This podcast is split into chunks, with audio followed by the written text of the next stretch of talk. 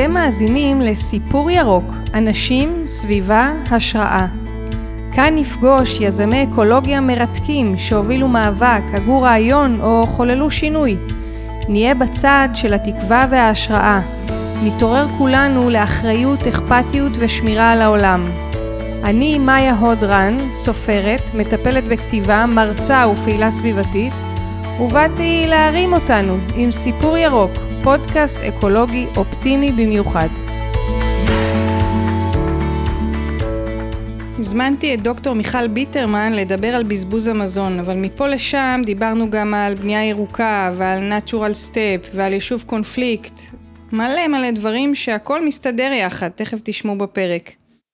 לפני שנתחיל, אני מזמינה אתכם להצטרף לקבוצה שלנו בפייסבוק, סיפור ירוק, וגם לפרגן במשובים וציונים באפליקציות השונות, כדי שעוד ועוד אנשים ייחשפו לפודקאסט וליזמות אקולוגית. אז בוקר טוב לדוקטור מיכל ביטרמן, עורכת דין, בוגרת תואר שני במנהיגות לקיימות, משוודיה. בוקר טוב. בואו נתחיל ממה עשית בשוודיה. שוודיה מה הלכת לחפש שם?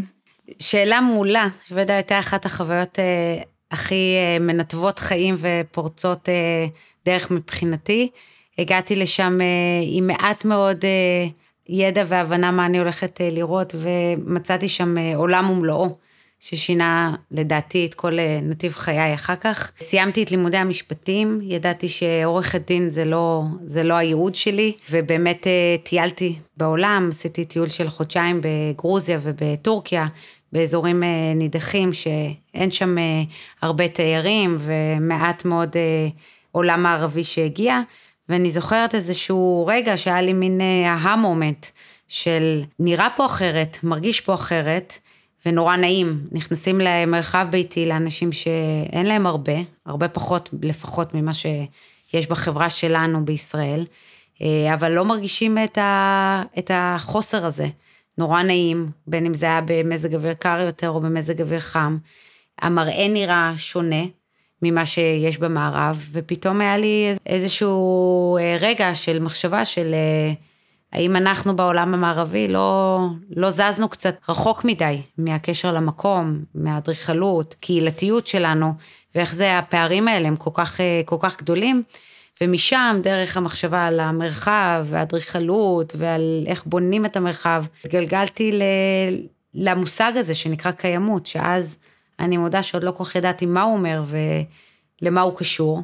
ראיתי את התוכנית הזאת אה, בשוודיה, בזכות אימא שלי, הייתה אה, פרופסורית בטכניון, אה, והיה לה קורס שהזמין כל פעם מרצים אורחים לכל מיני נושאים, ואחת מההרצאות הייתה לסטודנטים בנושא של אקולוגיה, היא הזמינה את לימור אלוף, לימור אלוף דיברה על קיימות ועל סביבה, היא ניגשה אליה בסוף השיעור ואמרה לה, הבת שלי מאוד מתעניינת בנושאים האלה, ולימור אמרה לה, היא צריכה לנסוע לשוודיה, ושתדבר איתי. אז דיברתי איתה. והיא אמרה לי את אותם דברים על המשפט הראשון, את צריכה לנסוע לשוודיה. כאן זה התגלגל, אה, זאת הייתה השנה השלישית של התוכנית, לימים היא נהייתה תוכנית מדורגת מספר 3 באירופה. אה, אנשים מכל העולם שהגיעו, כלל הדיסציפלינות, בין אם זה אדריכלות, משפטים, עסקים, אוהבי טבע, למיניהם ממגוון מדינות, היו למעלה מ-15 מדינות שיוצגו שם, מגילאי ה-20 עד גילאי ה-50. שבאו אה, ללמוד את התחום, וכל מה שעשו לנו בתוכנית הזאת היה לפתוח את העיניים, לחשוף למה האתגר, ומה זה קיימות, ומה זה אומר, ולדבר על אה, איך להנהיג שינוי. פחות התעסקו כמו פה בהרבה תוכניות אקדמיות בללמד אה, תחום. ללמד קרקע, ללמד זיהום אוויר, ללמד אנרגיה, תחבורה, כי האמונה שלהם הייתה שידע אפשר לרכוש תמיד. שמה שצריך זה את התפיסה הנכונה, את ההסתכלות הנכונה, את, ה, את המתודולוגיה לגשת לנושא, וברגע שאתה יודע איך לגשת לנושא, אתה תוכל למצוא את הידע לצקת לתוך זה. אז כמובן שלמדנו הרבה ידע, אבל, ה, אבל המוטיב היה לחלוטין התפיסה והאסטרטגיה, ו, והרבה מאוד דגש על איך להניע את השינוי. אז הייתה שנת לימודים אקדמית? לחלוטין. שעשית אותה אחרי תואר? אחרי אה, תואר ראשון של משפטים ועריכת דין, מבחני הלשכה ו, וסיום של, אה, של התמחות. ושם זה תואר שני לכל דבר, כתיבת תזה, עבודות אקדמיות, עם הרבה הרבה דגש של תצאו אחר כך לעולם, תשנו. אבל אל תשאירו את זה על המדף. תביאו את זה לשטח, לשינוי, שגם ישנה את העולם. תגידי משהו שהכי הפתיע אותך שם, בלימודים או בשוודיה, בהקשר הזה. שלא ידעתי את כל הדברים האלה לפני כן. ידעתי נורא מעט. אני באה מבית מאוד תרבותי, מעורב, אה, חברתית, גם אה, מבין פוליטית, אה, המון, המון קריאה ומעורבות במה שקורה, ועדיין לא הכרתי המון מהאתגרים האלה של הקיימות, ואמרתי, איך זה יכול להיות? אני כבר בשנות ה-20 המתקדמות של חיי, ופתאום אני מגלה את זה כרגע, למה לא כולם יודעים את זה? למה זה לא מלמדים את זה בבית ספר? למה זה לא נחלת הכלל מבחינת הידע? ולמה הייתי צריכה לנסוע עד שוודיה בשביל לגלות את הדברים האלה? כולם צריכים לדעת את זה. הייתה ממש אה, שנת פתיחת אה, עיניים, גם מטרידה וגם מאוד אופטימית. תמיד מאוד אהבתי טבע, תמיד אהבתי לצאת לטייל, והיינו יוצאים עם המשפחה, וחוגי נוער ודברים. אבל זה לא שהייתי ילדת אה, סנדלי שורש, יוצאת בשבתות למבצעי איסוף פסולת בים, זה ממש ממש לא, לא היה אוריינטציה או איזה שוחרת טבע דגולה. דווקא בהיבט הזה, הקיימות מבחינתי הייתה פתיחת עיניים מאוד מאוד משמעותית, כי נחשף שם גם המימד האקולוגי והמשבר האקולוגי העצום והתלות הזאת שבין בין החברה האנושית לבין החברה אה, האקולוגית, וגם כל הסיפור האנושי, ומאז מאוד מאוד חשוב לי גם הקידום של קיימות חברתית, ולא רק היבטי סביבה והיבטים אה, שהם פר אקסלנס אקולוגיה. אז מה, היית שם לבד? איך אה, חיית שם? הייתי שם עם בן זוג, חיינו כמו, כמו סטודנטים בחו"ל. שגם הוא היה בתוכנית? לא. אה, את היית בתוכנית, הלכת ללמוד כל יום? נכון. פש... זה גם תוכנית מהתוכניות השואבות האלה, שכולם באים ממקום אחר. ואף אחד כמעט לא בא משוודיה, אז כולם נטולי הסביבה הטבעית של התחומי התעניינות, משפחה, חברים. אז אה, תוכנית 24-7, אה, אתה חי את זה, אתה לא רק לומד את זה, אלא אתה גם אה, מתרגל, משתתף, רואה, וכל היום בעצם הנושא של הקיימות נמצא מסביב ובתוך ה, ההוויה, ולכן זאת חוויה מאוד מאוד אינטנסיבית. אז את חוזרת משם אחרי שנה, נכון? נכון. רצית לחזור או ששוודיה הדליקה אותך באיזשהו אופן? לא, היה לי ברור שאני חוזרת. מראש באתי ללמוד, היה לי חשוב מאוד לחזור לארץ, לקדם את זה, להוביל מהלכים שקשורים למה שלמדתי. מאוד בער לי לשנות פה, עדיין בוער לי מאוד לשנות פה עם כל הבעייתיות שיש לחברה הישראלית, ובאתי מלאת, מלאת מוטיבציה. וכשחזרתי זה היה באופן אה, לא מפתיע אה, שוק מאוד גדול, כי כשחוזרים אחרי שנה אתה כבר מתחיל להתרגל לחלק מהדברים שהם אה, מציאות חיים. למשל? והפער היה עצום. בכל הרבדים, מהרבדים האישיים עד ה... של ההתנהלות היומיומית, עד הרבדים אה, של איפה התחום נמצא. קודם כל התחום אה, היה במקום מאוד מאוד אחר ממה שהוא היום, ושפת הקיימות הייתה שפה עוד מאוד רחוקה. השפה השלטת הייתה שפת איכות סביבה, ופעילות שהיא יותר אה, באוריינטציה הזאת, הרבה פעילות קהילתית, הרבה פעילות אה, בפרויקטים במורד הזרם, מעט פעילות שהיא ברמה של מדיניות וברמה של אה, עסקים ודברים שהם יותר הוליסטיים ואסטרטגיים. ובכלל, ההבנה מה זה קיימות. גם היום כשאני מסתובבת ואומרת שאני מתעסק בקיימות, הרבה פעמים, ולרוב הייתי אומרת מרימים גבה ואומרים, רגע, מה זה? ואז אני צריכה להתחיל להסביר מה זה אומר, ולהשתמש בדברים כמו סביבה ואקולוגיה וכולי. אבל אז אף אחד לא ידע מה זה קיימות, ובמקרה הטוב אמרו לי, אה, את מאלה שממחזרים בקבוקים, נכון? אז זאת, זה ברמה המקצועית, ברמה האישית, זה היה לחזור למציאות שאין בה קיימות. בשוודיה ראיתי כל היום קיימות מול העיניים, אם זה נסיעה בתחבורה ציבורית, אה, שהיא שגרה לחלוטין, ושימוש בכלים רב פעמיים, התייחסות אחרת למזון, מבחינת אופן הצריכה וההסתכלות והמקומיות והבריאות. הרבה מאוד פרויקטים שראינו לאורך השנה במהלך הלימודים, שרחוקים שנות אור ממה שרואים פה. ולחזור לישראל היה, היה במובן מסוים קריאת מציאות מאוד, אה, מאוד בהירה לגבי הפער שאנחנו נמצאים. לא כי, לא כי חשבתי שאנחנו התקדמנו בשנה הזאת, אלא כי באמת אימוץ פרקטיקות נעימות זה נורא נוח, זה נורא נעים. נורא כיף לנסוע בתחבורה ציבורית נגישה, נוחה, יעילה, נקייה, בטוחה אה, בכל שעות היום. מתרגלים לדברים טובים מהר. כן. ספרי את סיפור המסיבות והחמוצים. היו גם דברים, כן, דברים מאוד מפתיעים בשוודיה, אני חייבת אה, להודות שבתור מי ששוב, לא הגיע מאיזה, מה שקוראים אה, אה, מחבקי עצים אה, וכולי, להגיע פתאום ל, לקהילה שלמה שנורא טבעי לה כשחוגגים מסיבה, לבוא עם, אה, עם כלים מהבית, והם לאו דווקא כלי הסרוויס, אלא אה, כלים שהם שתפו כרגע מהחמוצים שהם סיימו, וזה הופך להיות ה... כוס, הופכת להיות כוס הוויסקי שלהם, זה היה, זה, זה היה מדהים, זה היה נורא מפתיע. גם אני מצאתי את עצמי בהתחלה מגיבה ברגשות מעורבים לגבי הדבר הזה, זה היה אה, במובנים כמו ארוחות אה, משותפות שהגדירו מראש שכל אחד יביא פחות או יותר בכמות שהוא מסוגל לאכול, אז אנשים היו מגיעים עם אה, רבעי פאי ועם מאפן וחצי, ו...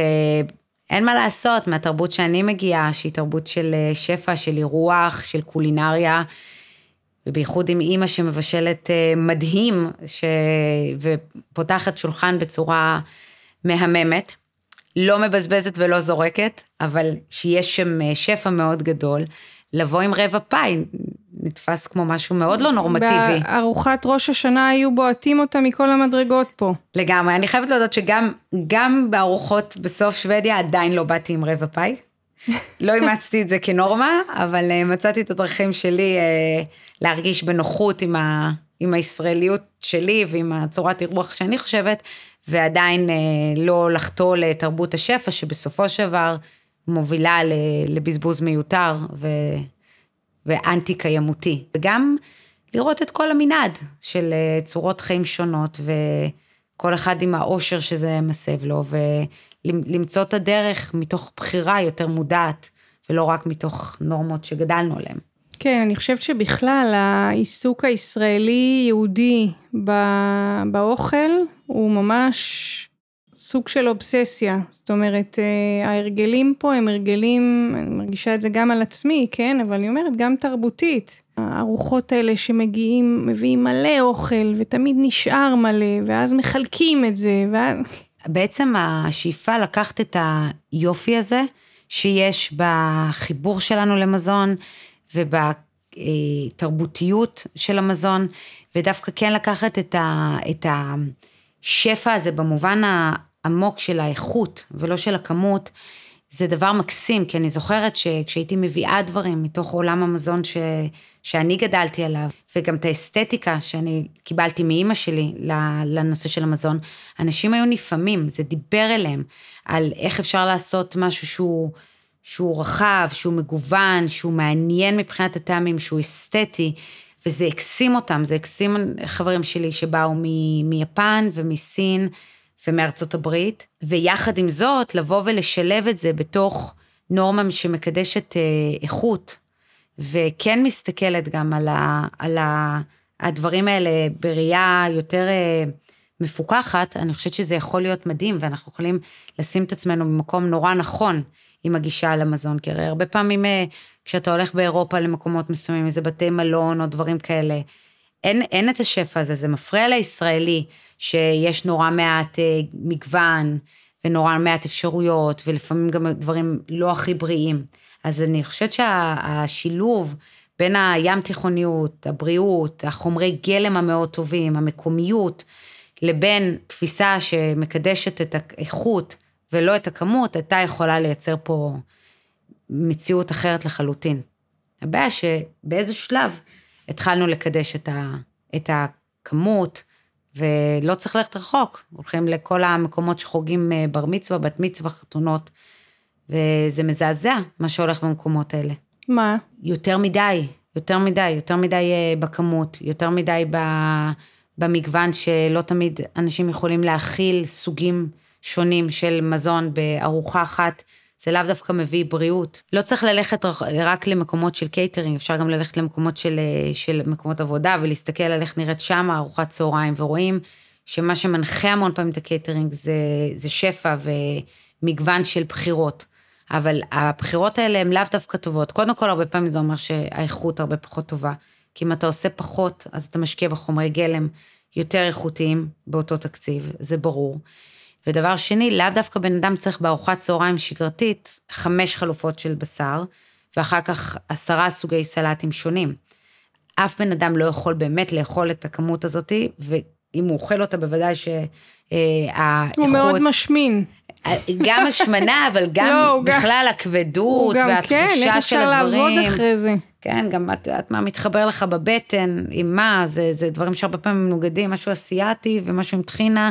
אה, זה לאו דווקא דברים שמסתדרים אה, לבטן של, של האדם. אני חושבת שה, שהמוקד הזה של לבוא ולייצר את העוד ועוד ועוד, שזה בסופו של דבר גם קורה בבתים הפרטיים שלנו ובנורמת האירוח, צריכה להשתנות, ושהיופי והקסם של המזון לא יאבד, לצד זה שנתעדף ערכים אחרים, שהם בעיניי יסבו לנו הרבה יותר אושר, אורח חיים טוב יותר, וגם תזונה נכונה יותר. וגם אולי פשטות, משהו טיפה יותר פשוט. כן. זה היה הדבר הבא שהתחלת להתעסק בו בארץ? בזבוז המזון? לא, זה, זה קרה עשור אחרי שחזרתי. אה, אז מה, הגעת לארץ, ומה התחלת לעשות בעניין? כשהגעתי לארץ היו לי... קודם כל היית צריכה להירגע. להירגע. מהפער. כן, אז uh, באמת uh, מצאתי את עצמי uh, גרה באבו גוש, גרתי שם שנתיים. בוא נגיד הפרש גדול מאוד בין המגורים בשוודיה, סביב 32 ארכיפלגים קטנים ויערות קסומים להליכה, ו...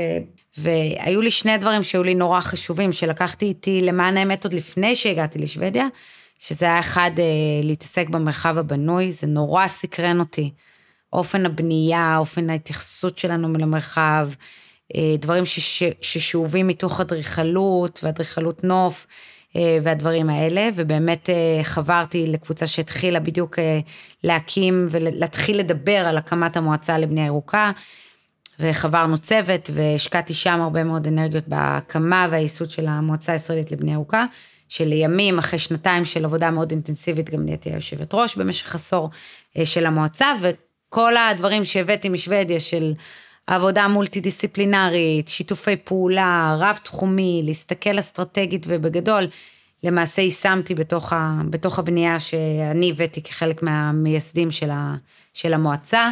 אבל מה, מה, היא, מה היא, למי שייכת המועצה הזאת? המועצה היא עצמאית, היא חלק מארגון בינלאומי, דאז כשהקמנו את זה היינו מספר 21 בעולם, היום יש למעלה מ-100 מועצות בעולם, כשהמודל מדבר על זה שהמטרה לשנות בסופו של דבר את פני המרחב הבנוי, והדרך לעשות את זה, זה על ידי שינוי כל המערכת, זה להסתכל הוליסטית, מרמת הפרקטיקה ושינוי דעת הקהל, שינוי uh, התפיסה של uh, אנשי המקצוע, מתוך הרחבת אנשי המקצוע שהם לא רק אדריכלים ומהנדסים, אלא בכלל כל מי שנוגע במרחב הבנוי, אם זה מנהלי פרויקטים, קבלנים ויזמים, חברות אה, טכנולוגיה ומוצרים. שאתם מה, מציעים להם את זה? למה שהם בכלל יתעניינו בשירות הזה? אז עוד לפני השירות, בכלל המטרה של המועצה הייתה לבוא ולהגיד מה זה בנייה ירוקה ולייצר מחקרים שמסבירים את התועלות.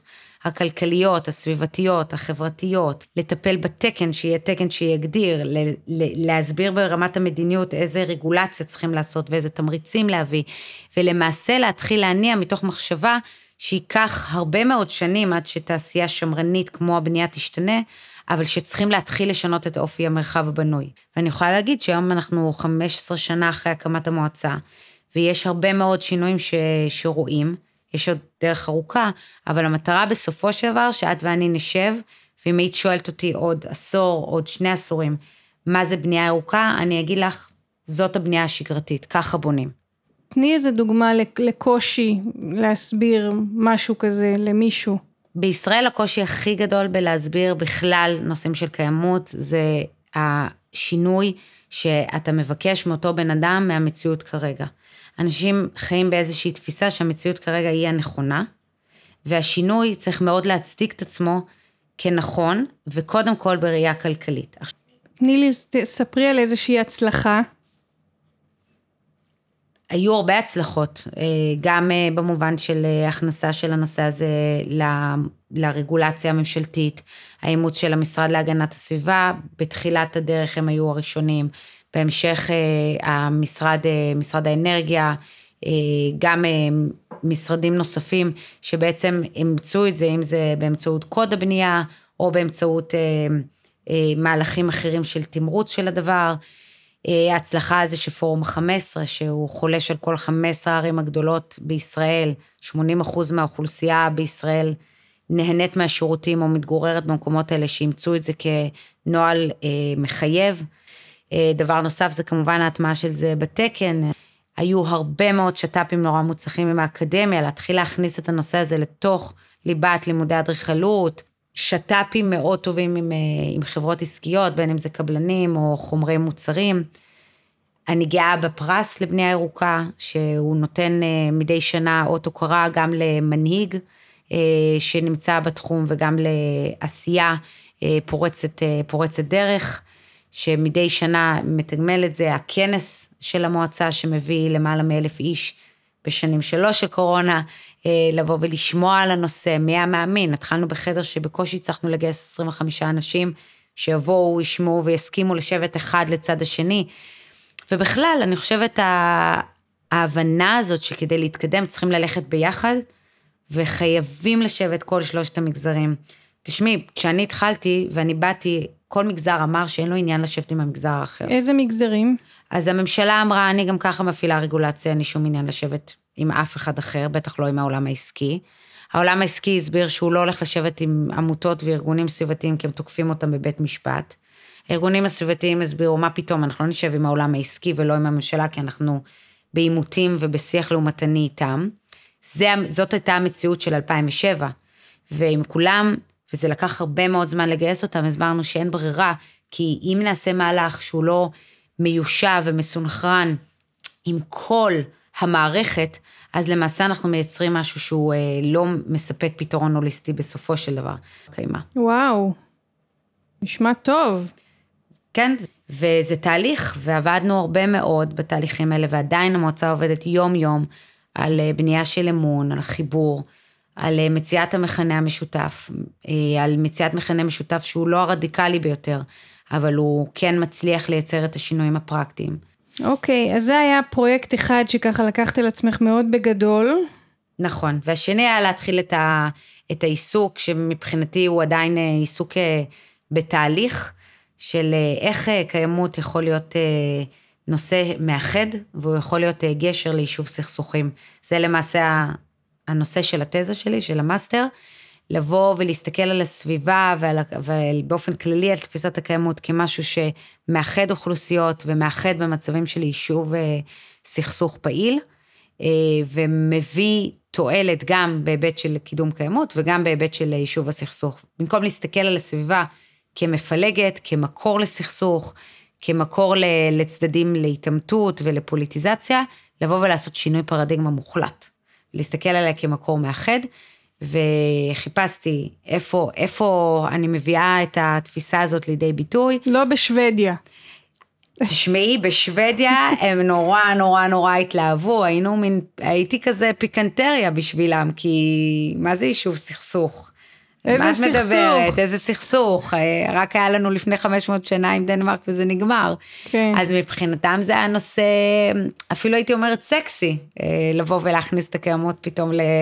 לאזורים האלה. המנחה שלי, קרל הנריק רוברט, איש מדהים, וגם ממייסד ה-The Natural Step, שתכף נדבר עליו, וגם מייסד התוכנית אה, בשוודיה, וגם זכה בפרס אה, נובל לנושאי סביבה. מאוד מאוד אהב את הנושא הזה, ואמר שזה התגשמות החלום שלו, שסטודנט שלו יבוא ויתעסק בממשק הזה של אה, conflict resolution ו-sustainability.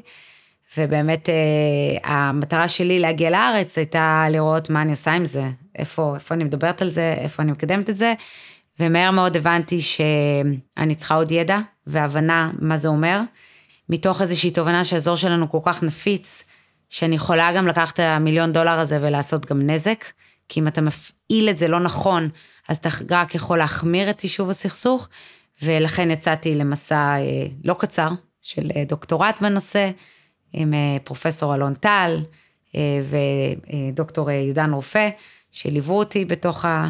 כמנחים בתוך הדוקטורט. בחנתי את ההקשר הזה במציאות הישראלית-ירדנית ופלסטינית. מתוך התבוננות על אה, מכניזם אחד של פארקים לשלום. מה, מה את אומרת על זה מתוך ה... לא את כל הדוקטורט, אבל... בגדול, בתיאוריה ובתפיסה, אני חושבת שיש לי פה פוטנציאל אדיר בלעשות אה, היפוך פרדיגמה ולהגדיר את הקיימות כדבר הכי חשוב. וגם זאת התפיסה שלי. הקיימות בעיניי היא האתגר הכי חשוב שבפ... שעומד בפני האנושות. נקודה. הרבה לפני כל הדברים האחרים, אם אנחנו לא נדאג לקיימות שלנו ושל החברה האנושית, אז אנחנו פשוט לא נישאר פה כמין אנושי. וזה לא בקטע של הפחדה ולהיות אה, איזה נביאת זעם, זאת המציאות שאנחנו רואים אותה מתהפכת לנו מול הפרצוף. ולכן, העמדה של זה כדבר העליון בסדר החשיבות, ולבוא ולראות איך אפשר לקחת מתוך השותפות על קיימות, כי בסופו של דבר אנחנו והשכנים שלנו מתמודדים גם עם בעיות זהות, וגם הגבולות הגיאוגרפיים שאנחנו מציבים לא משנים לטבע. כמו שאומרים, זה משפט שהוא אה, על גבול הקלישאה, אבל אה, לסביבה אין גבולות. וזה נכון, כי אם אנחנו והירדנים אה, נמצאים כרגע באותו תא שטח, ומגדלים כולנו תמרים, ויש מזיק שתוקף את התמרים, זה לא משנה למזיק שיש גבול פוליטי באמצע. ואם אנחנו לא נשתף פעולה ונייצר פתרון הוליסטי לטיפול במזיקים, אז יצא מצב, כמו שאכן קרה, שהצד הישראלי הצליח למגר את הנזיקים, כביכול, בטיפול הולם, וכשהצד הירדני לא הפעיל את אותו טיפול, אז המזיקים הגיעו מהצד הירדני לצד הישראלי. כנ"ל בנושאים של שפכים, אם שפכים מגיעים ומוזרמים מהרשות הפלסטינית או מירדן אלינו, אז זה מגיע, זה לא משנה שיש לנו תפיסת ניהול אחרת של שפכים. כנ"ל בנושא המים, ניהול אה, אה, אה, של נהר הירדן, אה, פרויקטים חקלאיים נוספים, ניהולי אסון, אם עכשיו יש אה, שפיכה של אה, נפט אה, באזור שהוא משותף גיאוגרפית, זה משפיע על שני הצדדים. ולכן ההבנה שהסביבה אין לה את הגבולות, ואנחנו חייבים לשתף פעולה, בין אם אנחנו רוצים ובין אם אנחנו לא רוצים, ואיך אפשר לתרגם את זה כמשהו פוזיטיבי. אז כל בסיס המחקר אומר, בואו ניקח את הקיימות, נציב את זה בראש סדרי העדיפויות האזוריים, וניקח מתוך העשייה המשותפת בנושא הקיימות, את עקרונות העבודה, את האמון שנבנה, את המכניזם, וניקח אותם לטובת הליכי יישוב הסכסוך. אוקיי, okay, אז זה היה עוד פרויקט ש... שלקחת על עצמך, נראה עוד לאן נגיע. אה, עד שנגיע לבזבוז המזון, אני חותרת לשם... אה, אז אני, אז אני אעשה לך את זה מהיר. עבדתי עוד uh, כמה שנים בכל הנושא של הטמעה של uh, מתודולוגיות ותפיסה של uh, קיימות uh, בתוך, uh, בתוך הערים בפריזמה של uh, משבר האקלים. לאורך השנים גם לימדתי uh, בבצלאל. כי רציתי להכניס את הנושא לדרך אה, עיניים של אנשים שמתעסקים באומנות, ובכלל, להביא את עולם הקיימות למקומות אה, הפחות צפויים או הידועים. ואז אה, ה baby השני התחיל ב-2012, שזה The Natural Step ישראל, או בקיצור TNS ישראל, שהקמתי עם עוד שלושה מייסדים, כולם בוגרי התוכנית בשוודיה. לכולנו היה משהו משותף שידענו שאנחנו מבינים רוצים... איך פוג... לא הבנתי, איך הפוגרים משוודיה? למדו אחריי בשוודיה. אה, ישראלים שהיו. אה, כן, אוקיי. כן. והם אה, גם הרגישו כמוני, הרגשנו כולנו שיש לנו אוצר ביד ואיזושהי הבנה שהיא מאוד אה, רחבה, ולא לאו דווקא מקבלת אה, ביטוי בארגונים ובפלטפורמות הקיימות בארץ. זה יפה שאת אומרת את זה בכזאת עדינות, שלאו דווקא וזה, כי אני חושבת באמת על ה... שיש בזה משהו נורא קשה בלראות את הפער, דווקא לאנשים שכל כך יודעים וזה, ומגיעים לציבור שלנו, והפער הוא פשוט בלתי נתפס. אני מרגישה שאני, נורא נורא קשה לי עם הפער הזה, ואני יודעת הרבה פחות ממך כנראה. זה, זאת הנקודה, זה, וזה גם לא רק הציבור, זה הציבור, זה כשאתה מגיע למשרדי הממשלה, כשאתה מגיע לפילנטרופיה, לתקשורת, לעסקים, לכולם. התחושה היא שאתה מגיע ומכולם צריך להתחיל מאפס. וגם כשחלשת כבר על איזשהו תחום, כי יש ארגונים סביבתיים שעושים עבודה מדהימה, וכבר הצליחו לקדם נושאים מסוימים. זה עדיין לא אומר שיש הבנה הוליסטית על מה זה קיימות. הגדרנו לעצמנו מהיום הראשון שמה שחשוב לנו זה לקדם קיימות, וחשוב לנו לקדם אותה בחברה הישראלית. ומתוך מקום פוזיטיבי, שמסתכל על העושר ורווחת החיים ועל חדשנות ואיכות, ומנסה להוציא את הקיימות מהסטיגמה של הדבר המעיק הזה שמחבקי העצים רוצים, תוך הרבה מאוד אימוץ של פרקטיקות ומתודולוגיות שהן לאו דווקא מעולם הקיימות. ואימצנו את המודל של The Natural Step, שהוא ארגון אה, שהתחיל לפני 30 שנה בשוודיה, באותו בית גידול גם של התואר השני שלנו, ולכן היה קל מאוד להתחבר, כי מתודולוגית ותפיסתית אנחנו מדברים בשפה משותפת. ויצאנו לדרך, ואחד מהתחומים מתוך ארבעת התחומים שהגדרנו לעצמנו כתחומים אסטרטגיים, היה לטפל בעולם המזון, כי כשישבנו וניסינו להבין, אוקיי, מה לא מטופל?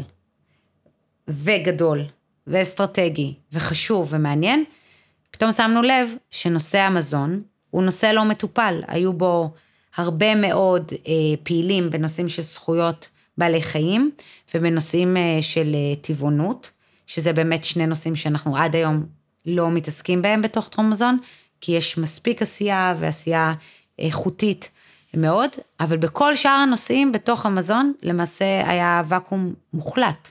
וממש עשינו לעצמנו מיפוי, אוקיי, מה, מה התחום שאנחנו הולכים להתעסק בעשור הקרוב? אגב, היינו אופטימיים, כי עשור קרוב כבר עוד מעט עובר, ואנחנו נמשיך להתעסק עם זה גם כנראה בעשור אה, אחרי זה. אה, אבל מה הדבר שאנחנו אומרים עכשיו, הריצת מרתון שלנו אה, מתעסקת עליו? ואמרנו נעשה שני פרויקטים גדולים, הראשון יהיה צמצום בזבוז מזון, והשני יהיה כל הנושא של אריזות בעולם המזון, שנתחיל אותו אחרי הפרויקט הראשון, והתחלנו אה, לבדוק מה, מה קורה, לא היה כלום, לא היה מידע, לא היה מחקרים, לא היו עיסוקים בנושא, לא ברמה המקומית וגם לא ברמה העולמית. זה היה מאוד מאוד מאוד מאוד בתולי, באנו עם המון אינטואיציה אה, ומחשבה שזה חשוב. אז מה עשיתם? השלב הראשון היה לעשות מחקר שלנו, להבין על מה, על מה מדובר ולהגדיר לעצמנו את, ה, את הסקופ של הפרויקט אה, ובמה אנחנו מתעסקים.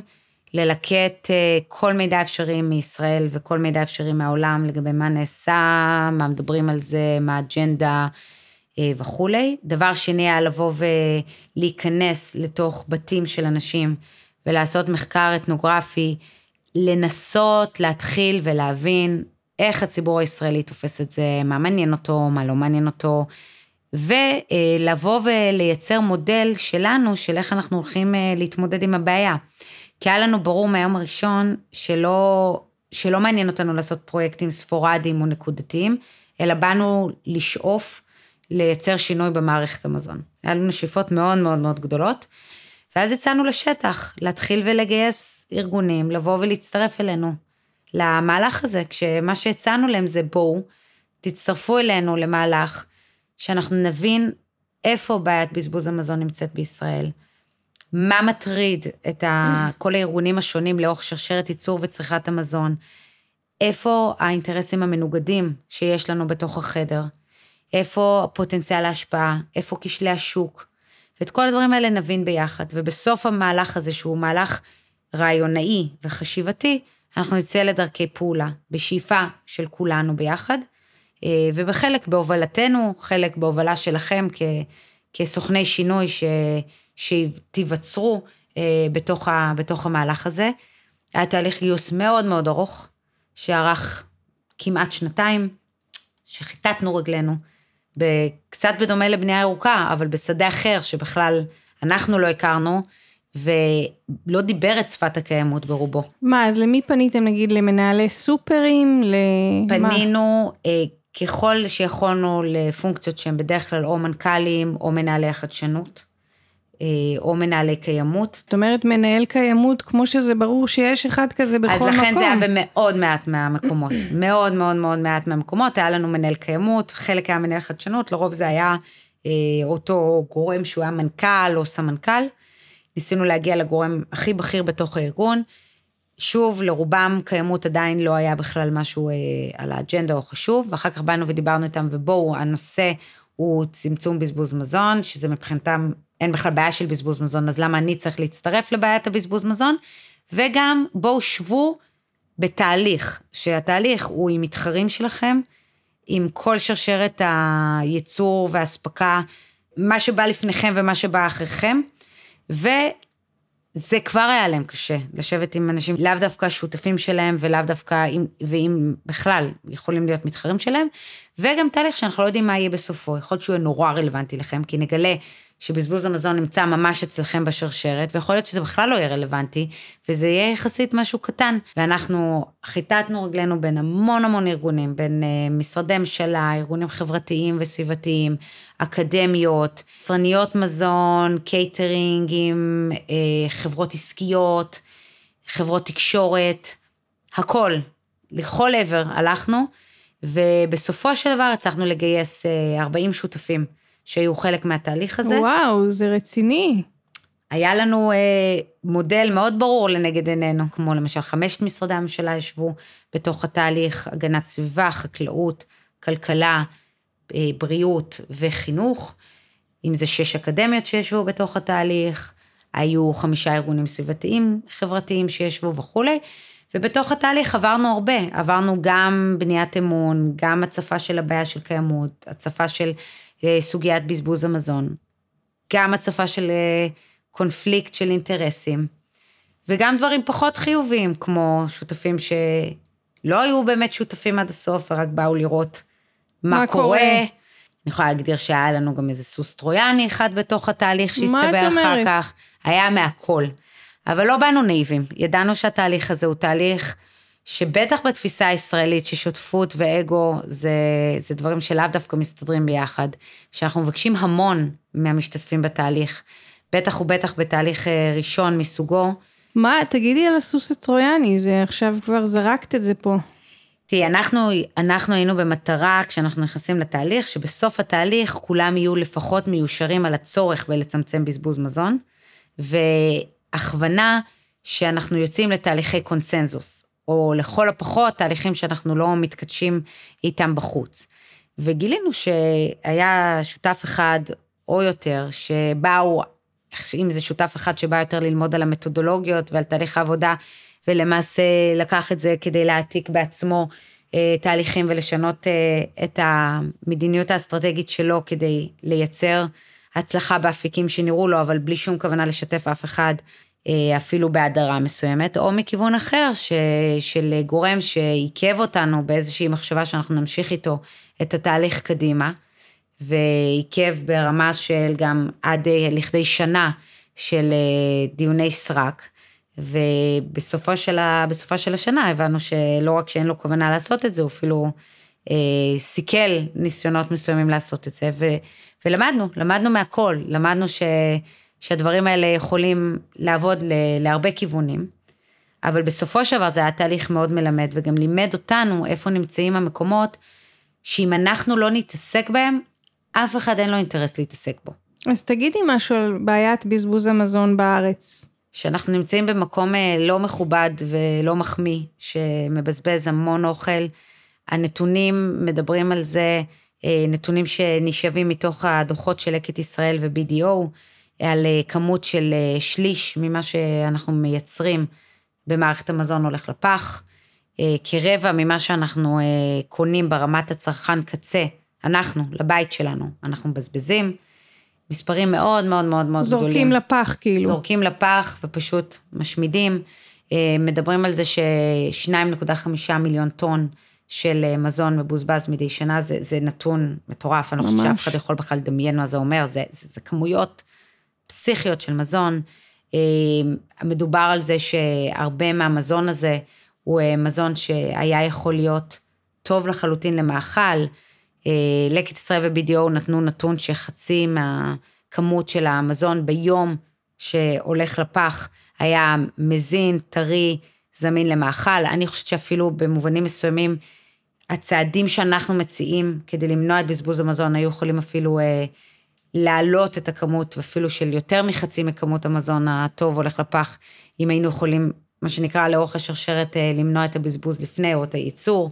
בעיה עצומה, אז זאת בעיה גם במובן הסביבתי, כי אנחנו למעשה משקיעים משאבים סביבתיים שלוש פעמים, פעם אחת בלגדל את המזון, פעם שנייה בלשנע אותו, כי כמעט אף אחד מאיתנו לא אוכל מהשדה ישר לבית, אז אנחנו צריכים לשנע אותו בזיהום אוויר וקרקע, אה, ואנשים שמעורבים בתוך הדבר הזה עד שזה מגיע אלינו למכולת או לסופר. ופעם שלישית, כשאנחנו זורקים את זה, למעשה זה פסולת אורגנית, שמייצרת הרבה יותר פליטות גזי חממה, ומצריכה משאבים של תשתיות כדי לקחת את זה מהבתים, או מכל מקום אחר שאנחנו זורקים, ולטפל בזה כפסולת. אז את אומרת, יש את העניין של הזריקת האוכל בבית, mm-hmm. יש את העניין של פגי התוקף, נכון? אנחנו תגידי. מצאנו שיש 17 אה, סיבות שונות למה אנחנו מבזבזים בבית רק את המזון. בין אם זה אי הבנה של תאריכי התפוגה ולא לסמוך על תאריכי התפוגה ולזרוק לפני, אה, המחשבה שתאריכי התפוגה הם אה, אומרים משהו אחד ולא מבינים מה באמת הם אומרים. החוסר ערך שיש לנו כלפי מזון, אנחנו חברת שפע, אנחנו חושבים שנלך לסופר תמיד יהיה, אז קל מאוד לילדים היום לבוא ולהגיד, יאללה, לא בא לי לאכול יום אחרי יום משהו אותו דבר, לקחת את הסנדוויץ' לבית ספר ולהעיף אותו כמו שזה הגיע, כי יש תחושה שתמיד יהיה. אה, נושאים כמו יכולות בישול, אנחנו רואים את כל הריאליטי ואת כל היופי של, אה, של המנות שיוצאות, ופתאום לנו זה יוצא הרבה פחות אה, יפה, מהודר, ואנחנו מתאכזבים מהתוצאה. אז אנחנו זורקים את זה? זורקים, הרבה פעמים זורקים, כי זה לא, לא נראה אסתטי. לנו. אסתטי. הפחד משאריות. אנחנו לא באמת מצליחים להבין ששארית קטנה פה ועוד שארית קטנה פה יוצרת בסוף מארג של הרבה מאוד, ואפשר להיות יצירתיים עם, עם אותן שאריות, כל הנושא של בכלל קנייה שהיא לא תמיד קנייה חכמה, היכולות אחסון שלנו, המון דברים ברמת הפרקטיקה של לימוד אחסון נכון היו יכולים להאריך אורך מדף. תרבות השפע שדיברנו קודם עליה באירוח המוגזם, אה, שקורה גם אצלנו בבית. כמובן, כשאנחנו יוצאים החוצה, יש לנו הערכה הרבה יותר פחותה למה שמישהו אחר בישל, מאשר למה שאנחנו בישלנו, אז היד שלנו הרבה יותר קלה על השלכה, אם זה בטיולים, אם זה במסעדות, אם זה בקייטרינג של אירועים. אה, וברמה הזאת זה, זה החלק שלנו כצרכן קצה. באמת שם אנחנו רואים שאלפים, כי בעיית הבזבוז מזון היא גם בעיה כלכלית, שאלפי שקלים בשנה הולכים בממוצע אה, לפח. כשמה שמעניין זה שלאורך השנים אנחנו כל פעם אה, בודקים את המודעות, ואנשים עדיין לא מודעים לכמות שהם אה, מבזבזים, עדיין הישראלי הממוצע חושב שהוא מבזבז מאוד מעט. וגם ראינו את זה במחקר, באנו לאנשים, אמרו לנו, אין לכם מה לבוא אלינו הביתה, אנחנו לא מבזבזים כלום, חבל שתבזבזו שבוע על ללוות אותנו, ובסוף השבוע כולם ראו שיש פער עצום בין מה שהם חשבו. וואו, איך לבין... זה ייתכן? מה, הרי זה דבר שאתה רואה אותו בפועל, אתה רואה כמה פח אתה מוציא בשבוע. אמרת את מילת המפתח, אתה רואה. בדיוק מילת המפתח, אנחנו עיוורים. אנחנו לחלוטין עיוורים, גם בדברים אחרים שהם לא המזון, אבל כרגע אנחנו מתמקדים במזון, אנחנו עיוורים לחלוטין. לאופן השימוש שלנו ולכמות ההשלכה. אנחנו לא רואים את זה בכלל.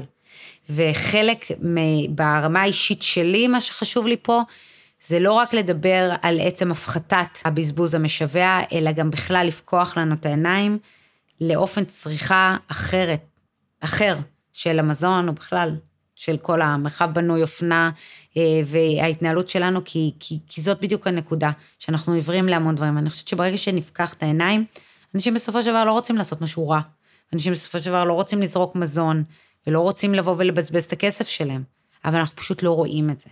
עכשיו, יש אלמנט שאנחנו לא רואים בגלל איך שאנחנו מתנהלים, ויש אלמנט שהתעשייה לאורך השנים, בצורת ההתנהלות שלה, דאגה יפה שאנחנו גם לא נראה את זה. אז תני, מה, מה זה, איפה, אז איפה פה? אז החלקים הנוספים של הבזבוז קורים בסופרים, שאנחנו גם, יש אה, אה, את כל הנושא של תאריכי התפוגה, שהסופרים במקום לתת לנו לקנות במחיר מוזל את המוצרים לקראת פג תוקף, הם משליכים את המזון. למה הם עושים את זה? כי היום רוב אה, הסופרים הגדולים מקבלים את הכסף במילא מיצרניות המזון עד סכום מסוים בגלל הסכמים שיש ביניהם, והם במילא מקבלים את הכסף, ולכן מבחינתם האינטרס לבוא ולייצר מנגנון שנותן לנו לקנות את המוצרים האלה במחירים מוזלים יותר, לא שווה להם, כל עוד הרגולטור לא מחייב אותם.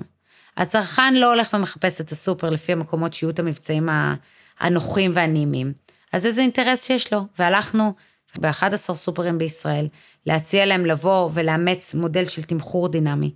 כי, כי כארגון אנחנו קודם כל מנסים לרתום ולשאוף לעבודה פוזיטיבית, וכולם טרקו לנו את הדלת והסבירו שהם לא מתכוונים לעשות את זה, כי כרגע אין להם שום אינטרס. וגם כשהראינו להם שתהליכים כאלה יכולים להיות כלכליים ויכולים להיות אה, נכונים מבחינה תדמיתית, עדיין כל כך רחוקים הסופרים מהתפיסה הזאת, ולכן יצאנו לקמפיין ציבורי, להעלות את המודעות של הקהל הרחב לזה שיש חלופה, ולזה שזורקים, ושאנחנו יכולים לקנות אוכל זול יותר. זה לא לנזקקים, זה, זה, לא תמ- מה זה למסכנים. תמחור דינמי? זה תמחור שבא ומוריד את המחיר של המוצר בהתאם לתוקף שלו, זאת אומרת שמוצרים בעלי תוקף קצר זוכים מהנחה משמעותית.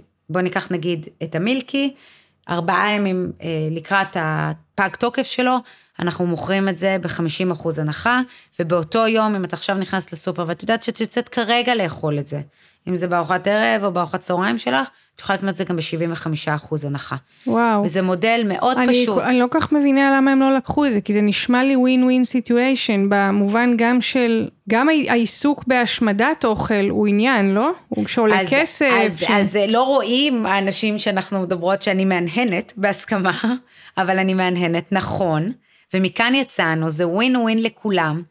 והסופרים גם מרוויחים לא רק את זה שהם לא משליכים, ולא צריכים להתעסק עם ההשמדות, לפעמים זה הם מתעסקים עם השמדות, לפעמים מחזירים ליצרניות שמתעסקות עם ההשמדות, אלא גם יש ערכים אה, נוספים, חושפים אה, לעוד מוצרים שאולי יקרים וידנו לא משגת, אבל עכשיו בהנחות הם כן, אה, מרוויחים קהל של, שהוא נאמן אליהם, שיודע שיש את המבצעים האלה. נכון. זה זוכה גם לתועלות של ניהול מלאי באופן כללי וכולי, אבל עובדה, בשטח שהם מתנגדים לזה.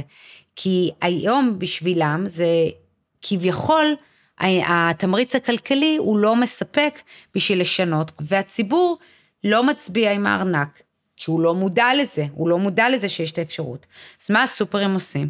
הם הולכים למהלך הקל של תרומה. עכשיו, אני מאוד בעד לתרום מזון בשביל למנוע ממנו להגיע לפח, אבל תרומה זה הקצה, הקצה, הקצה של הסקאלה, הצלה של מזון. כמות המזון, דיברנו על זה, שליש מהמזון הולכת לפח, יש כל כך הרבה דברים לעשות לאורך השרשרת, עד שזה יגיע לתרומה.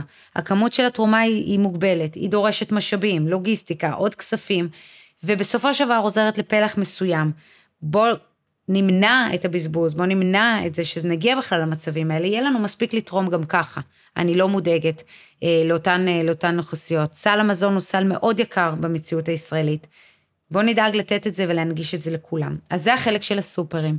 יש חלקים נוספים שהם בכלל אה, ברמת ה... מהחקלאות עד הרגע שזה מגיע אלינו, שזה כל הפירות והירקות שהם נראים קצת אחרת, קצת גדולים, קצת קטנים, ובמודל אצלנו שמקדש אסתטיקה, כביכול... הכל צריך להיות מבריק, בדיוק. מתוח. בדיוק, ולא קצת גדול, קצת קטן, וזה כל כך מנוגד הרי לטבע, כי איפה המזון גדל?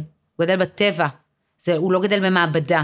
אני חושדת כש, שתפוח נראה לי יותר מדי נוצץ, ולרוב הם באמת הטעימים פחות. להפך, זה כי יכול יש להיות בכל מיני אה, מודל. לקה כזאת. כי זה ציפוי, כי עשו משהו בתהליך שהוא לא היה רק התהליך הטבעי. אוכל בא מהקרקע, אוכל בא מ- מ- מיבולים, הוא לא צריך לראות אחד אה, כמו השני, כמו שאנחנו לא נראים אחד אה, זהים אחד לשני.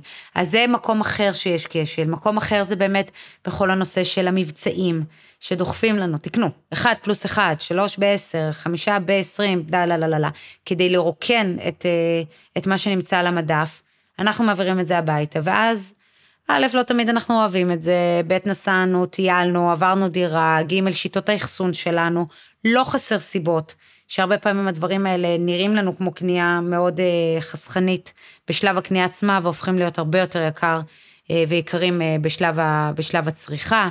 יש כמובן את כל השדות המוסדיות, בין אם זה הצבא, מוסדות ממשלתיים, בתי חינוך, תעופה, בתי חולים, קייטרינג של אירועים ומקומות עבודה רגילים שמסעידים, שמבזבזים ששם- המון, ששם הבזבוז הוא של אוכל מבושל כבר. נכון, של אוכל מבושל. שנזרק לפח. נזרק לפח ובחלקיות מאוד מאוד מאוד קטנה מוצל.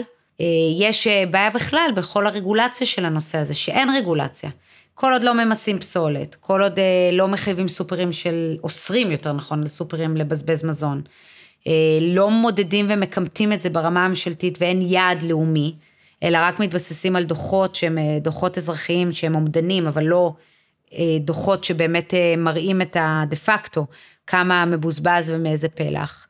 אין רגולציה שעוזרת לעסקים להתייעל בדברים האלה, אין תעדוף של אה, חקלאות מקומית כנגד יבוא, ואז מן הסתם אנחנו מבזבזים המון פעמים ומשליכים תוצרת חקלאית, כי הבאנו משהו כביכול זול יותר לצרכן אה, ממקומות אחרים. אז כל הדברים האלה בסופו של דבר יוצרים אה, מקשה שמובילה להרבה בזבוז.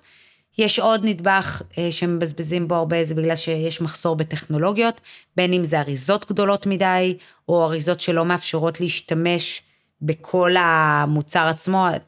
אפשר ללכת לחוויות האישיות שלנו, אם זה אנשים שאוכלים אה, חומוס בבית, או מיונז, או כל דבר שנמצא בצנצנט. הרבה פעמים יש לנו את החוויה הזאת שאי אפשר לקחת את הכל, החרדל, מכל הצדדים, כי בין 10 ל-20 אחוז נדבק בקצה, ואז זה נהיה גם קצת איכסה וג'יפה להשתמש, ואנחנו לוקחים, אה, לוקחים אחד חדש, וזה יוצר בסופו של דבר אה, הרבה מאוד השלכה. אז בכלל, כל העניין של הטכנולוגיות, אנחנו מנסים מאוד מאוד לעודד טכנולוגיות שייכנסו וייתנו פתרונות, מהרמה שאני אדע את תאריך התפוגה האמיתי של היוגורט שלי, ולא תאריך משוער אם אני אשים סטיק, עד רמה שאני אוכל לבשל לפי כמות סועדים אה, משתנה, לבין ייעול הליכי אחסון והארכת אורך מדף, ואריזות שהן, שהן גמישות יותר מבחינת הגודל. זו בעיה מורכבת, היא בעיה מורכבת והיא נמצאת לאורך כל שרשרת הייצור והצריכה של, ה, של המזון. אז חוץ מהפנייה שלכם לסופרים והגורמים האלה, איזה עוד אה, דברים ניסיתם לעשות? כי אני, אני יודעת למשל שיש עמותות שאוספות גם מקייטרינגים וכל מיני כאלה ומחלקות את זה באמת אה, כ, כתרומה לנזקקים, נכון? ארוחות חמות. נכון, אז ראשית, אנחנו לא מתעסקים בהצלה. אנחנו מתעסקים רק בצמצום בזבוז במקור, ומנסים בכל עבודה שלנו להגיע למקור הכי ראשוני שהבזבוז קורה פה. אז זה מתחיל בזה שיש לנו ערוץ שלם של העלאת המודעות הציבורית לנושא. אנחנו יזמנו יום לאומי, שיום צמצום בזבוז מזון ישראלי, הוא מתקיים ב-12 למרץ כל שנה, כבר שלוש שנים שאנחנו מקיימים אותו ברציפות, ושואפים להגיע בסופו של דבר לכל משק בית עם ההבנה ועם הידע שיש בעיה ושיש אלטרנטיבות. הדבר השני שהקמנו את האתר שלנו שנקרא Love Food Not Waste, שבו יש אה, אלטרנטיבות לצרכן, איך הוא יכול להתנהל אחרת, מרמת האחסון לפעילות עם ילדים, שימוש בשאריות, קמפיין פירות וירקות מיוחדים וכולי. המצאנו מונח שצמצום בזבוז מזון זה צימבוז, כדי שיהיה נגיש יותר וקל יותר. וזה במובן של העלאת המודעות, כל הזמן להעלות מודעות, לנסות אה, להגיע לכמה שיותר אנשים, כמה שיותר קהלים, הרצאות, כנסים, אה, העברת הידע, ובייחוד לדבר על האלטרנטיבות, לא רק על הבעיה, אלא מה בן אדם יכול לבוא ולעשות בזירה העסקית שלו, בזירה והמקצועית שלו, בזירת פעילות שלו ובזירה הביתית שלו. נגיד, בזירה הביתית, מה? ללמוד איך לאחסן, אה, לבשל, עם, ללמוד איך לבשל עם שאריות, לקנות בקנייה מודעת יותר, ללמוד מהם תאריכי התפוגה ומה הם אומרים ואת ההבדלים ביניהם, להימנע ממבצעים מיותרים, לבוא ולהסתכל אה, עם הילדים איך אפשר להפוך את זה לחלק מפעילות אה, יצירתית ומשותפת, לחפש את אותם פירות וירקות מיוחדים ולהראות שיש דרישה, לדרוש תמחור דינמי, לכשיתחילו מיזמים, אז לבוא ולתעדף את הקנייה הזאת ולתעדף את האריזות המודולריות, דברים מהסוג הזה, וכל אחד מהדברים שאמרתי כרגע זה עולם ומלואו שצריך אה, ללמוד ולהכיר. זה ברמה, ברמה אחת של הצרכן, אה, צרכן הקצה.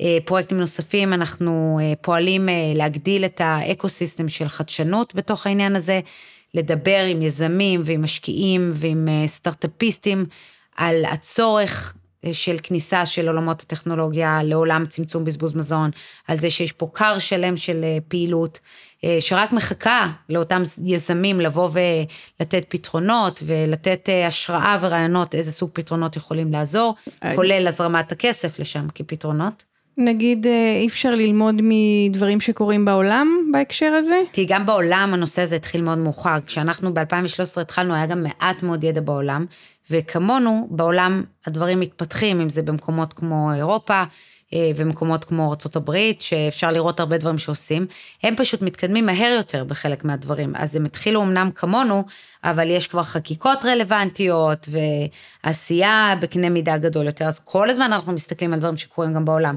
אבל עדיין באופן כללי אני יכולה להגיד שהתחום מאוד התפתח, אבל מאוד רחוק עוד מאיפה שהוא צריך להיות גם ברמה העולמית. עוד דברים שאנחנו עושים זה לעבוד עם המגזר של העסקי, אה, ולראות איך אפשר להטמיע את זה שם, ובהתכווננות על קייטרינג, אה, מסעדות, כל מיני מקומות של הסעדה אה, למיניהם. ושם יש עוד המון המון המון עבודה ואזורים שעוד לא הגענו אליהם, ושוב, ברמת הקנייה, רכש, תפעול המטבח, הממשק עם הצרכן, ולא ברמת ההצלה. ההצלה בסוף זה יהיה הפתרון אם כלו כל הקיצים ולא הצלחנו למנוע את הבזבוז. המטרה הנוספת שלנו זה להעלות את, ה, את מידת הרגולציה והמדיניות בנושא, בין אם זה ברשויות המקומיות לבין אה, בממשלה, אז אם זה מדיניות של המשרדים השונים, עושים פעולות ספציפיות עם ארגונים מסוימים. תני דוגמה לפעולה כזאת במרחב אנחנו, הציבורי. אנחנו או... נכנסים עכשיו ל- ללמד עסקים מקומיים אה, בשתי ערים שמשתתפות אצלנו בפרויקט שנקרא השפעה מקומית. שזה פרויקט אה, במימון האיחוד האירופי עם עוד שותפים, צלול, אל-עמל, to be friendly, אה, ואנחנו עוסקים בנושא של צמצום בזבוז מזון, ופועלים לייצר קונסורטיום עכשיו של עסקים ושל נוער, שהמטרה שלהם יהיה לצמצם את בזבוז המזון. ושוב אומרת, לא להציל את המזון, אלא לבוא ולהטמיע את זה בתוך הפעילות העסקית שלהם, בסופרים. אנחנו עובדים עם ארגונים עסקיים, על להכניס את זה כפרקטיקות לתוך, ה, לתוך הארגון שלהם עצמם. יש לנו אירוע שנתי שהוא אירוע מסה, שהוא אה, כל שנה מנסה להביא לקדמת הבמה את האפשרות לבוא ולחיות אה, בעולם מזון שנראה אחרת, ותמיד הוא משלב אומנות, קולינריה וקיימות. כמובן, הכל מלווה גם בכל מיני מחקרים שאנחנו עושים ספציפיים, והוצאנו את המחקר הראשון בישראל, ההוליסטי, על נושא של אה, צמצום בזבוז מזון, שנמצא באתר שלנו ובתמיכת המשרד להגנת הסביבה, שממש ממפה את כל אחד מהשחקנים ומה האחריות שלו ומה הפוטנציאל שינוי שהוא יכול לעשות. וואי, זה נשמע כמו שאם אחד ייקח את ה... ירים את הכפפה, זה יהיה, קודם כל הוא יהיה המוביל והראשון והמתחיל ככה. נכון. זה, זה גם יהיה שם, הוא יעשה לו שם מאוד טוב. נכון. אז זה נורא מוזר. אני חושבת שזה תהליך שייקח זמן עד שהגורם המוביל יבין שהוא יכול לתפוס פה מנהיגות. כי, כי נכנסנו לשטח שאף אחד לא דרש אותו. לא הרגולטור דרש אותו, לא העסקים דרשו אותו ולא הציבור. והמטרה של התהליך שלנו היה לייצר תנועת מלקחיים, שזה גם יבוא מלמעלה מהרגולטור, גם מהעסקים וגם מהציבור עצמו. ברגע שיהיה את העניין ואת המודעות שזה נושא חשוב, ותבוא הדרישה, בין אם זה מלמעלה, בין אם למטה ובין אם זה העולם העסקי באמצע, אני סבורה שבדיוק כמו שאמרת יקרה, שכולם יקפצו על העגלה וכבר אז יהיה מספיק ידע והנושא יהיה בהרבה יותר מודעות כדי לעשות את זה, אבל זה תהליך מאוד מאוד ארוך, מאפס מודעות, אפס עשייה, אפס אכפתיות, לבין תהליך של אה, מנהיגות. את יודעת, אני חושבת על אה, כמות המוטיבציה הנדרשת לכל התהליכים שאת מדברת, שהם נורא איטיים ונתקלים בהרבה התנגדות וחוסר אה, שיתוף פעולה, ואני אומרת, כאילו, את כל היום תוקעת את הראש בקיר. ואת ממשיכה. זה, זה, מה שאת מתארת הוא נכון, הוא, הוא, יש פעמים שהתחושה היא בדיוק לתקוע את הראש בקיר. לא להאמין שעוד פעם ענו לך את אותה תשובה, לא להאמין שאנחנו כל כך בפיגור, לא להאמין שאלה התשובות עדיין שבמאה שלנו, אנחנו עדיין אה, אומרים ומתייחסים, זה נכון. יש בי אמונה מאוד מאוד גדולה שהשינויים הגדולים חייבים לבוא מתהליכים כבדים וארוכים. זה נכון שלפעמים זה יכול להיות מתסכל לא רק בהיבט של התגובה של מי שעובדים איתם, אלא גם בהיבט של גיוס משאבים. נורא קשה לגייס משאבים לתהליכים. לתהליכים ארוכי טווח בייחוד. קרנות לרוב רוצות לחפש את הפרויקט, ושהפרויקט ייראה עם תוצאות ברורות מיד בהגשה שלו, ותהליכים זה דבר שפחות מדבר אליהם, ובכלל באופן כללי, כמות הגיוס כספים אה, על נושאים של אה, קיימות רק הלכה ופחתה, למרות שמה שהיית מצפה שזה ילך ויגבר. מעט מאוד ארגונים שלוקחים אה, את, את הייעוץ הזה מעניין אותם משהו הוליסטי. רובם מעניין אותם אה, הפרויקט הספציפי שלהם, ולשלם כמה שפחות. העולם העסקי עדיין נמצא באיזושהי תודעה שאם אתה בא לקדם משהו טוב, אז תגיד תודה שבכלל נתנו לך אה, את האופציה לעשות את זה אצלנו ונשלם לך הכי מעט שאפשר. היו לא מעט דיונים עם חברות עסקיות שאמרו, מה, אבל אתם באים לקדם אידיאולוגיה, אז למה אנחנו צריכים לשלם לכם? אני הייתי אומרת, אתם משלמים לנו כי אתם מקבלים תועלת, תועלת כלכלית, מקצועיות, ולכן אתם משלמים כמו על כל פרויקט אחר שאתם מקבלים דברים מהסוג הזה. אגב, זה לא רק חברות עסקיות, זה גם אה, ממפוארות אה, העיריות אה, שנמצאות אה, בסביבותינו. כי תמיד אני מרגישה שלי חלק מהמוטיבציה, מה שדיברנו לפני שהתחלנו את ההקלטה, על העניין הזה שזה שזה מלא אנשים מתחילים להיות בעניין, וזה נותן לך איזה drive. להיות חלק מ... אני לא לבד אה, מצילה את העולם, אני שותפה למשהו, מהלך גדול שקורה עם הרבה אנשים שאכפת להם. והפגישות שלך ביומיום, אני פריבילגית, אני פוגשת פה אנשים שהצליחו, שיזמו והצליחו. ואת פוגשת אנשים שאת ממש לא מעניינת אותם, ואת בעמדה שצריכה לשכנע אותם בכלל להקשיב לך, ולשלם ו- לך. ובכלל התחושה של לאורך השנים ממש לא הייתה שיש, אבל זה גם הנושאים שאני בחרתי. תמיד הלכתי לנושאים שהם אה, לא חרושים ו... ולא מעניין אף אחד אותם. גם, אני, גם הדוקטורט, גם בנייה ארוכה וגם המזון, ממש לא. אז מה, את אוהבת לקבל דחיות או מה? לא, אני מאוד מאוד לא אוהבת דחיות. אני חושבת ש... אז זה באמת העניין שמה שאלת אותי מה המוטיבציה, ואני יכולה, יכולה לענות. אני חושבת שמבחינתי המוטיבציה היא למצוא משהו ש... לא, את לא שאלת על מוטיבציה, מה את שאלת? כן, כן, אני... על, על, על מה מחזיק אותי בדרך. המוטיבציה של יזם, לתפיסתי, נמצאת בזה שבוחרים נושא או עיסוק שמאוד מאוד מאוד מחוברים אליו, וחושבים שהוא מאוד חשוב, ושמצליחים ל- למצוא את התפיסה ואת הדרך איך לקדם את זה, גם אם המציאות כרגע לא איתך, ולא נמצאת שם, ולא חושבת שזה הדבר הכי חשוב, או לא חושבת שהדרך שלך חשובה, ויש המון אה, אמונה פנימית בדרך ובנושא ובתחום, ושהוא נכון ושצריך, ולשלב את זה עם אה, גמישות וכנות.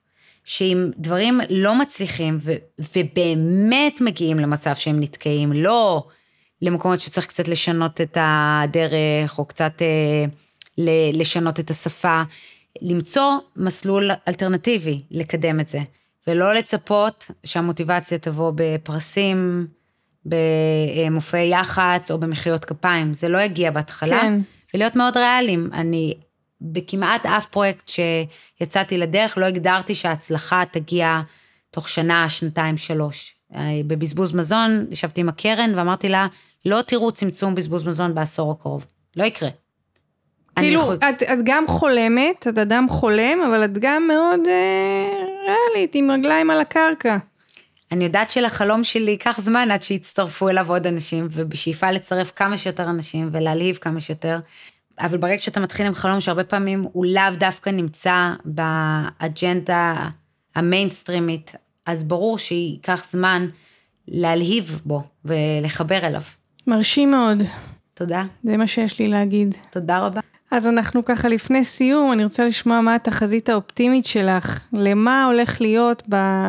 אם הכל פתוח והכל אפשרי, אז מה הולך לקרות כאן בשנים הקרובות? אני מצפה שהנושאים האלה ייכנסו יותר כחלק ממערך לימודים בכל המסגרות, גם החינוכיות וגם הלא חינוכיות, כמובן במוסדות ההשכלה הגבוהה, ויאומצו כפרקטיקות ואסטרטגיות בתוך הארגונים, עוד עשור אה, ועוד שני עשורים, שזה יהפוך להיות חלק מהפרקטיקה המחייבת והאינטגרלית, ושאנשים שלא יפעלו ככה, או ארגונים שלא יפעלו ככה, דווקא יקבלו על הראש, או אה, יקבלו נזק על, ה, על הדבר הזה, ולא, ולא שאנשים שעושים אה, בנייה ירוקה, או מצמצמים בזבוז מזון יקבלו פרס, אז השאיפה שזה יהפוך להיות אה, חלק מהנורמה.